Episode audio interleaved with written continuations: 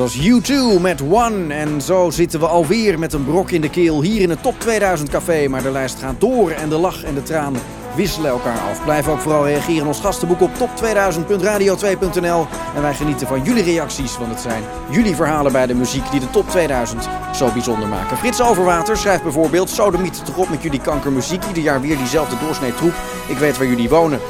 En Hans Kieviet uit Zeewolde laat weten... als ik nog één keer U2 hoor, schiet ik mijn kinderen dood en pleeg ik zelfmoord. Ja, en zo horen we het ene prachtige nummer na het andere... in die achtbaan van emoties die de Top 2000 heet. De volgende plaat roept mooie herinneringen op bij Erik en Simone... Wij wonen inmiddels al tien jaar in Oberhausen, maar voelen ons nog steeds heel dicht bij Nederland. Dankzij de top 2000 zijn we ieder jaar weer even op de Ginkelse Heide. Waar we in die mooie nazomerdagen van 1968 in totaal 17 ponies met een hakbel kapot sloegen en opensneden. Iedere keer als we Someone Like You van Adele horen, keert dat warme gevoel van de ingewanden van die kermende dieren weer terug. Onvergetelijke momenten die we voor altijd bij ons dragen. Hier is Adele. I